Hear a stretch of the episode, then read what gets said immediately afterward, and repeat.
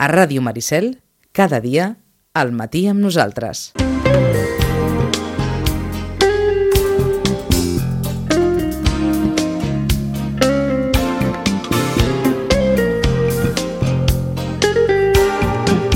I és el que dèiem, eh? La, la, la biblioteca està molt a prop, eh? i això es cura ràpid. Marta, bon dia. Bon dia. Paquita, bon dia. Hola, bon dia. Doncs amb totes dues eh, anem a fer un repàs. Hem canviat de dia, i això dels canvis de dia sempre, eh, oi? sempre costa. Um, una miqueta de repàs de- d'activitats. Comença la Marta, no? Doncs sí, farem repàs d'aquests propers 15 dies Uh -huh. i comencem amb el divendres 1, que hi ha una hora del conte, a la Biblioteca Josep Roig i Reventós. Doncs sí, tenim un conte a càrrec de la Rosa Pinyol i que va molt en sintonia amb el, amb el temps que tenim perquè es titula Ai, quin fred que fa. Doncs aquesta és la, la història que ens explicaran Uh, mai. per al públic familiar. Mai millor dit, fa més fred als Estats Units que es veu que tenen, estan en una de fred, eh? però bé, aquí, aquí déu-n'hi-do. Aquí ja ho notem. Què més? Doncs seguim amb l'hora del conte per la propera setmana i ens anem a divendres, dia 8, com sempre dos quarts de sis, i en aquesta ocasió serà la màgia dels colors, a càrrec de la Montse Panero, ben coneguda de tots. Uh -huh. Aquests són els dos hora del conte que tenim les dues properes setmanes a la Josep Roig i Reventós. D'acord, dues hores del conte. Què més, Marta? A la Biblioteca Santiago Rossinyol tenim un nou, una nova sessió del Liceu VIP, que és Ahà. aquesta trobada d'aficionats a l'òpera, aficionats o persones que vulguin introduir-se en el món operístic, i serà el dijous dia 7 a les 6 de la tarda. Remarco el 6 perquè normalment és a dos quarts de 7, però Val. aquesta vegada ho avancem perquè el programa doncs, és, és atapeït i per tant hem avançat per no haver de córrer i disfrutar de, de la tarda El Liceu tranquil·litat. VIP, que és una d'aquestes noves activitats d'aquest any que està, que està funcionant Està força. funcionant molt bé, sí. De fet, al principi, bueno, eh, quan, es van a, quan vam demanar les, les inscripcions, es va muntar un grup de 40 persones i encara que és un grup amb preinscripció, per tant és... Però sempre hi ha algú doncs, que ve perquè aquell tema li interessa o el que sigui, doncs és, és benvingut al final.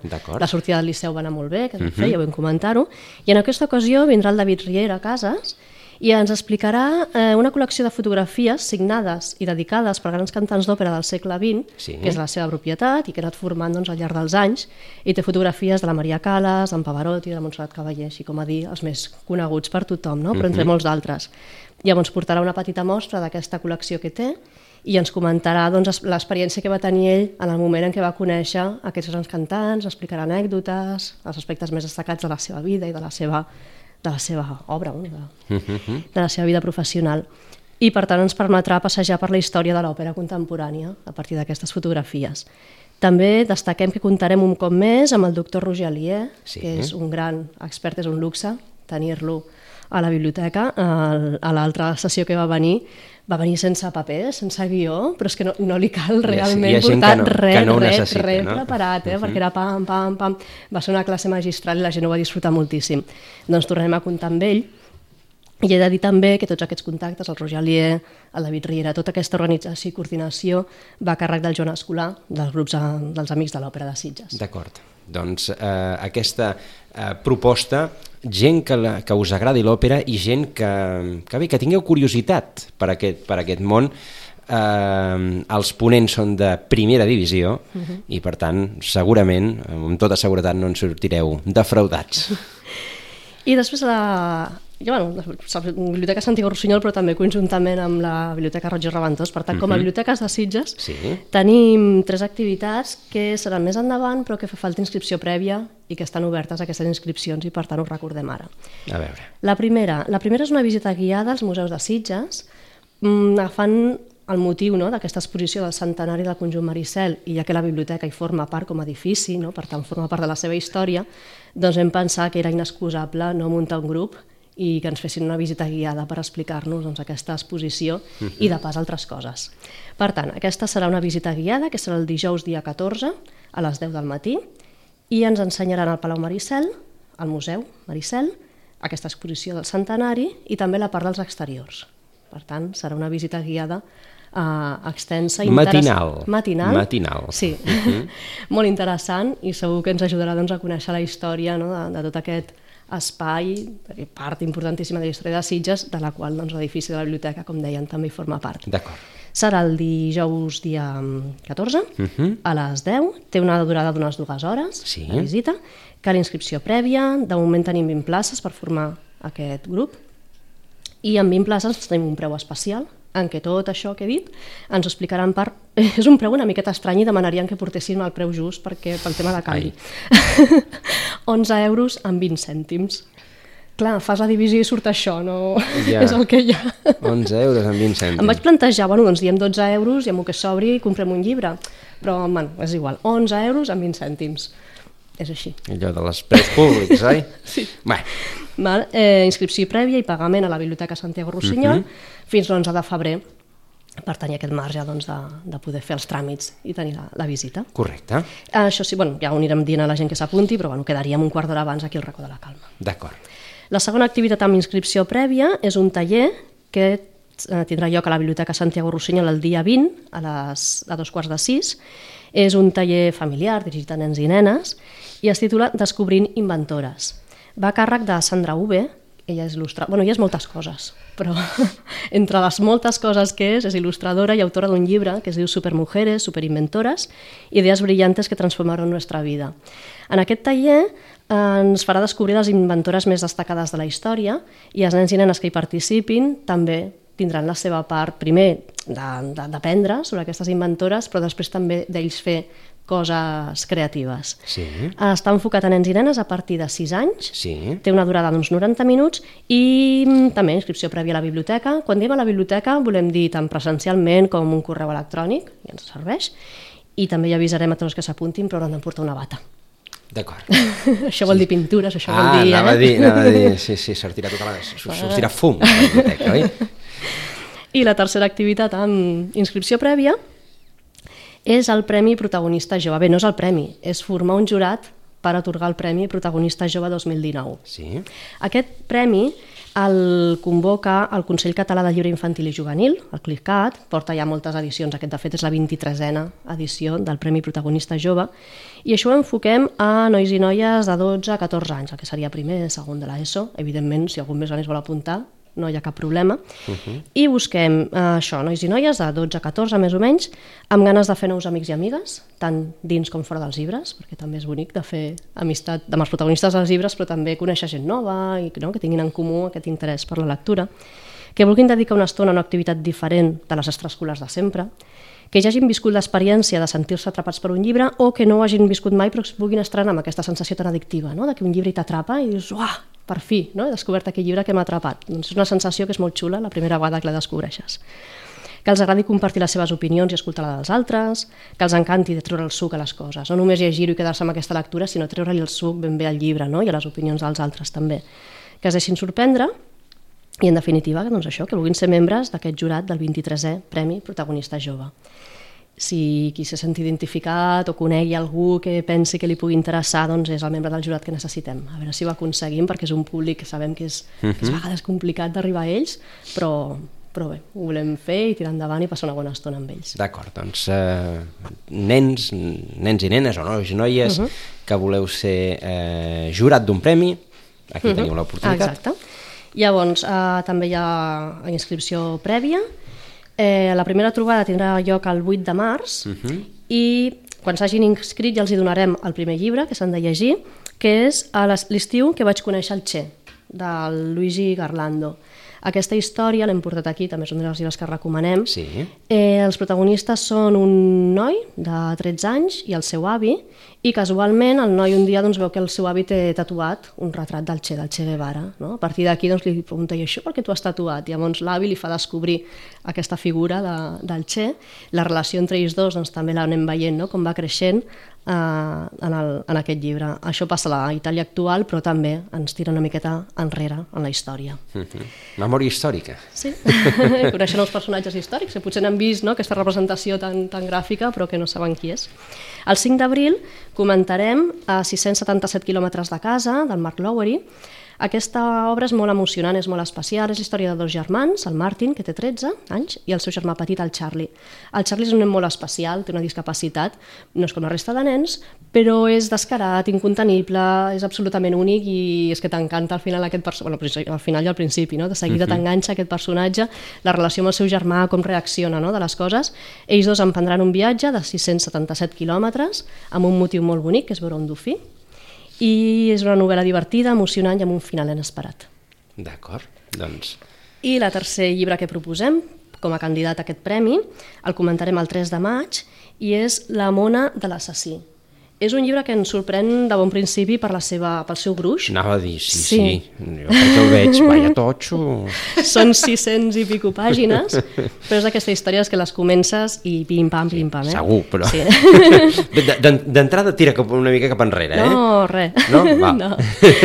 és una de les millors obres dels darrers anys, segons la crítica, i realment quan la llegeixes, doncs de Segur. seguida t'hi enganxes. Eh? Uh mhm. -huh. eh, és la investigació d'un assassinat, tot i tractar-se d'una novel·la infantil juvenil, no hi ha cap protagonista infant, n'hi ha molts de protagonistes, però cap que sigui nen i nena, i en principi l'acció passa a Lisboa i després ja va també a altres escenaris. Està molt, molt ben ambientada i la gràcia d'aquest llibre és la mona, la mona de l'assassí. Aquesta mona que no parla però sap escriure molt i molt bé uh -huh. i és l'enllaç que ens farà conèixer tot el, aquest ventall tan gran dels altres personatges que naveguen per aquesta novel·la llarga però, però molt bonica. La recomanem moltíssim. No doncs que t'enganxa, eh? Sí, és aquesta que, serà la tercera. Sobretot si el llibre és llarg, si no enganxa malament. Normalment els llargs enganxen més que els curts, sempre Què més? Doncs aquestes són les tres novel·les que llegirem i al final, uh -huh. el 10 de maig, farem les votacions, otorgarem els punts i amb tots els punts que es reuneixin uh, de totes les biblioteques o de tots els instituts que s'hagin fet jurats d'aquest premi, doncs sortirà el guanyador. D'acord. Més coses. Doncs eh, parlem de novetats o de fons que tenim que hem anat incorporant a les biblioteques. Endavant. I eh, des de la Josep Roig i Reventós avui hem triat eh, sèries, DVDs de sèries.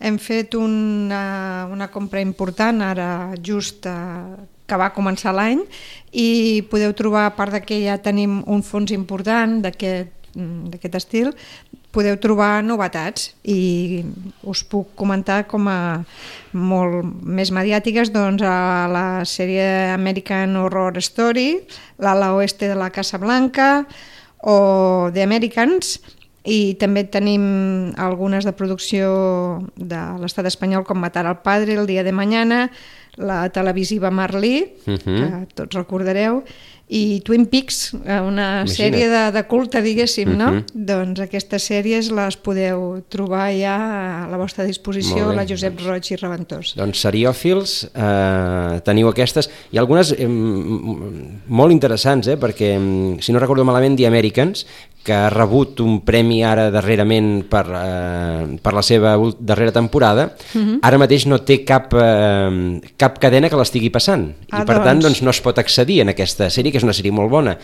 Per tant, doncs, doncs teniu a, a la biblioteca doncs, de la una a la quarta temporada. Fins a la quarta, sí. imagina't. La quarta em sembla que ni l'han passada. O sigui doncs, que, ja ho sabeu. Interessant. Uh, miro sèries també jo.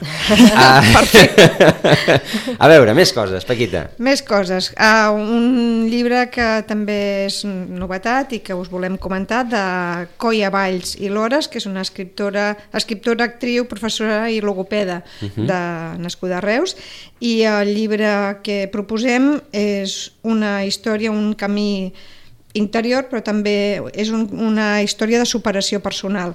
El títol és El camí de la llum i és la història del, de la persona, el, comença evidentment molt jove, el que va inventar el sistema braille de lectura per sex. Mm. Doncs a partir d'aquesta experiència personal, un, un nen que, va, que a conseqüència d'un accident va perdre la vista en 3 anys, i d'una família procedent d'una família humil doncs va iniciar aquest camí de superació i d'investigació fins que eh, va aconseguir doncs, això, aquest sistema que ha suposat la llum en sentit figurat per les persones que tenen aquesta, aquest impediment visual. D'acord, doncs interessant com a mínim la el història. Camí, el camí de la llum de Coia uh -huh. Valls.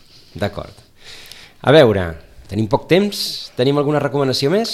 Em portava dues, però en tot cas les podem deixar per un altre dia, si no dona... Bé, tenim 3 minuts. Sí, bueno, així molt rapidet. Molt rapidet. dues. Vinga. Una, que és un, un llibre petit.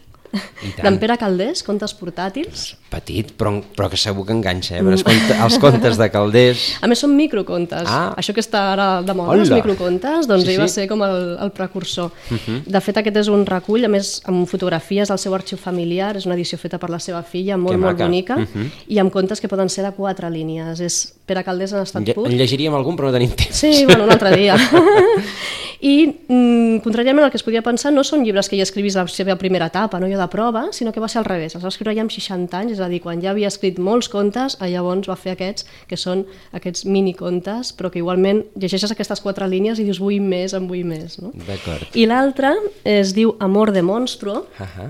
de l'autora és Catherine Dunn, i si llegim la faixa, la faixa d'aquí del llibre, ens diu la novela de culto que enamoró a, enamoró a Kurt Cobain, a Kornilov, a Tim Burton, a Terry Gilliam, eh? amb aquests personatges ens podem fer una idea de la història. I volia destacar simplement que està dedicat per, editat per Blackie Books, que és una editorial que tot el que fa és de molta qualitat, coses diferents, originals, i que tenen que després es venen molt i també surten molt en préstec, i és una editorial que està fent coses molt maques, està fent molt És- bon treball. Hi ha una portada extraordinària, Sí. eh? També és molt bonica aquesta sí, portada. Sí, sí. I és una novel·la diferent. De fet, el Tim Burton va voler-ho portar al cinema, aquesta història, que es va escriure l'any 1900, ara ho diria malament, però bueno, fa temps eh, que està escrita, va tenir molt d'èxit, i ara doncs mm, Blackie Books l'ha tornat a editar i la recomanem moltíssim. I a part d'aquests dos, ens acaba d'arribar el lot a les dues biblioteques i, i per tant tenim novetats moltíssimes. Moltíssimes novetats que doncs, podran eh, anar a veure a les prestatgeries de, la, de les novetats de les, I el blog. i el, blog, i el blog de les biblioteques. Fa, fa bé la Paquita de recordar-nos-ho perquè, malgrat que aquí doncs, cada 15 dies anem repassant, eh, totes les novetats de les biblioteques també hi poden accedir a través del, del blog tant de la Josep Roig i Reventós com de la eh, Santiago Rossinyol. Ho hem pogut repassar eh, d'aquí 14 dies, perquè ara eh, d'aquí dues setmanes doncs, tornarem al dimarts, que és, eh, que és el dia habitual, tornarem a saludar, si Déu vol, a la, a la Paquita i a la Marta doncs, perquè ens portin les novetats de les biblioteques. Molt bé, moltes, Moltes gràcies, Moltes a, gràcies. a totes dues. I nosaltres, doncs, eh, ho, de, ho deixarem aquí. Eh, finalment hem pogut fer eh, correctament l'espai l'espai de les biblioteques i, i repassar aquesta, aquesta llista de propostes, sobretot, sobretot mm, les activitats eh, que necessiten inscripció que, o que tenen inscripció, adreceu-vos perquè moltes d'elles valen molt la pena. Com dèiem, eh, ho deixem aquí. Moltes gràcies per, per la seva atenció. Que passin un molt bon dia i fins demà.